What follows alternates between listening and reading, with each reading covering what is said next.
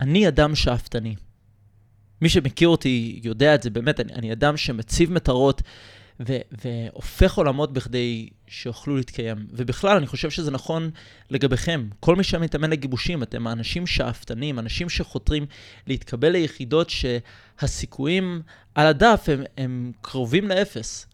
וחלק מהשאפתנות הזאת דורש כמה דברים. זה דורש ידע, ניסיון, זה דורש גם האיש או אשת מקצוע הנכונים שנצמדים אליכם בכדי להשיג את המטרה.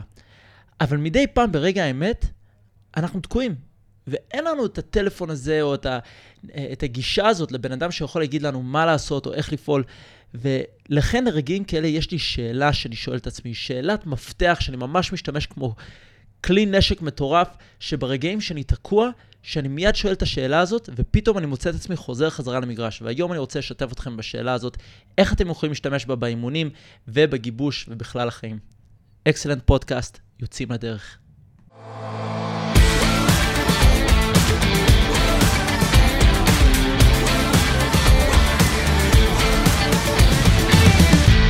ברוכים הבאים לפודקאסט של אקסלנט. מטרת הפודקאסט היא לבנות לוחמים. לאו דווקא בצבא, אלא בכל מקום. לוחם זה אופי, ואת האופי הזה אפשר לבנות. אני דורון ממן, ויחד אנחנו נבין איך כל אחד יכול להגיע לתוצאות מטורפות. כל זה באמצעות עבודה על הצד המנטלי, הצד הערכי והצד הפיזי. אקסלנט פודקאסט, יוצאים לדרך.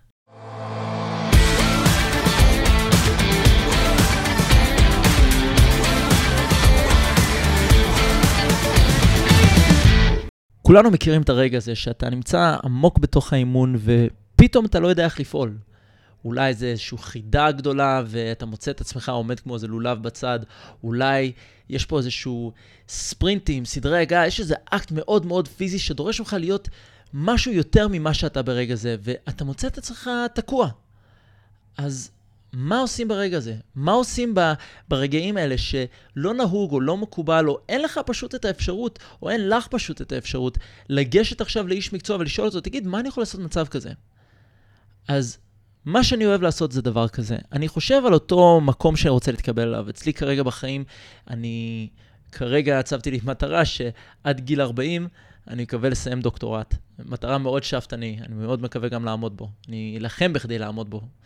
אה, אבל, אז מה אני עושה ברגע הזה? אני יוצא רגע ואני מוצא את עצמי תקוע באיזושהי דילמה, ואז אני שואל את עצמי שאלה מאוד פשוטה. מה אדם שכבר הצליח, שכבר עבר את המסלול שאני עובר כרגע, היה עושה עכשיו? או במקרה שלכם, איך בוגר ביחידה שאתה רוצה להתקבל, יחידה, להתקבל אליו, היה פועל ברגע הזה?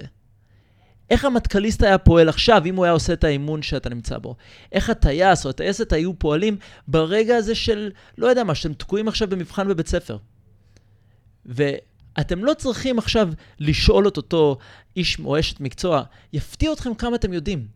אבל ברגע הזה שאתם שמים את עצמכם מול הדמות האידיאלי הזאת, איך הוא היה פועל, ואתם אומרים, תשמע, כל מה שאני צריך לעשות זה ליישר קו, לפי איך שנראה לכם, אתם פתאום תגלו כמה אסטרטגיות יש לכם. אתם פתאום תבינו מה אתם צריכים לעשות באותו שנייה. כי תבינו, אין משהו יותר גרוע מ- מלהיות תקוע במקום. בפסיכולוגיה מדברים על, על התגובות שלנו לפחד, כן? חלק מכם אולי מכירים את זה, אבל יש מה שנקרא מודל שלושת האפים. יש fight, להילחם, flight, לברוח, ו freeze, להיתקע. ו- ומי שנתקע הוא, הוא, הוא בסופו של דבר בסכנה הכי גדולה. כן? או אני מדבר על זה גם מלא בסדנאות. תחשבו, תסתכלו על הטבע, בסדר? עץ, הוא, הוא או שהוא צומח או שהוא מת. בשום שלב הוא עומד תקוע במקום.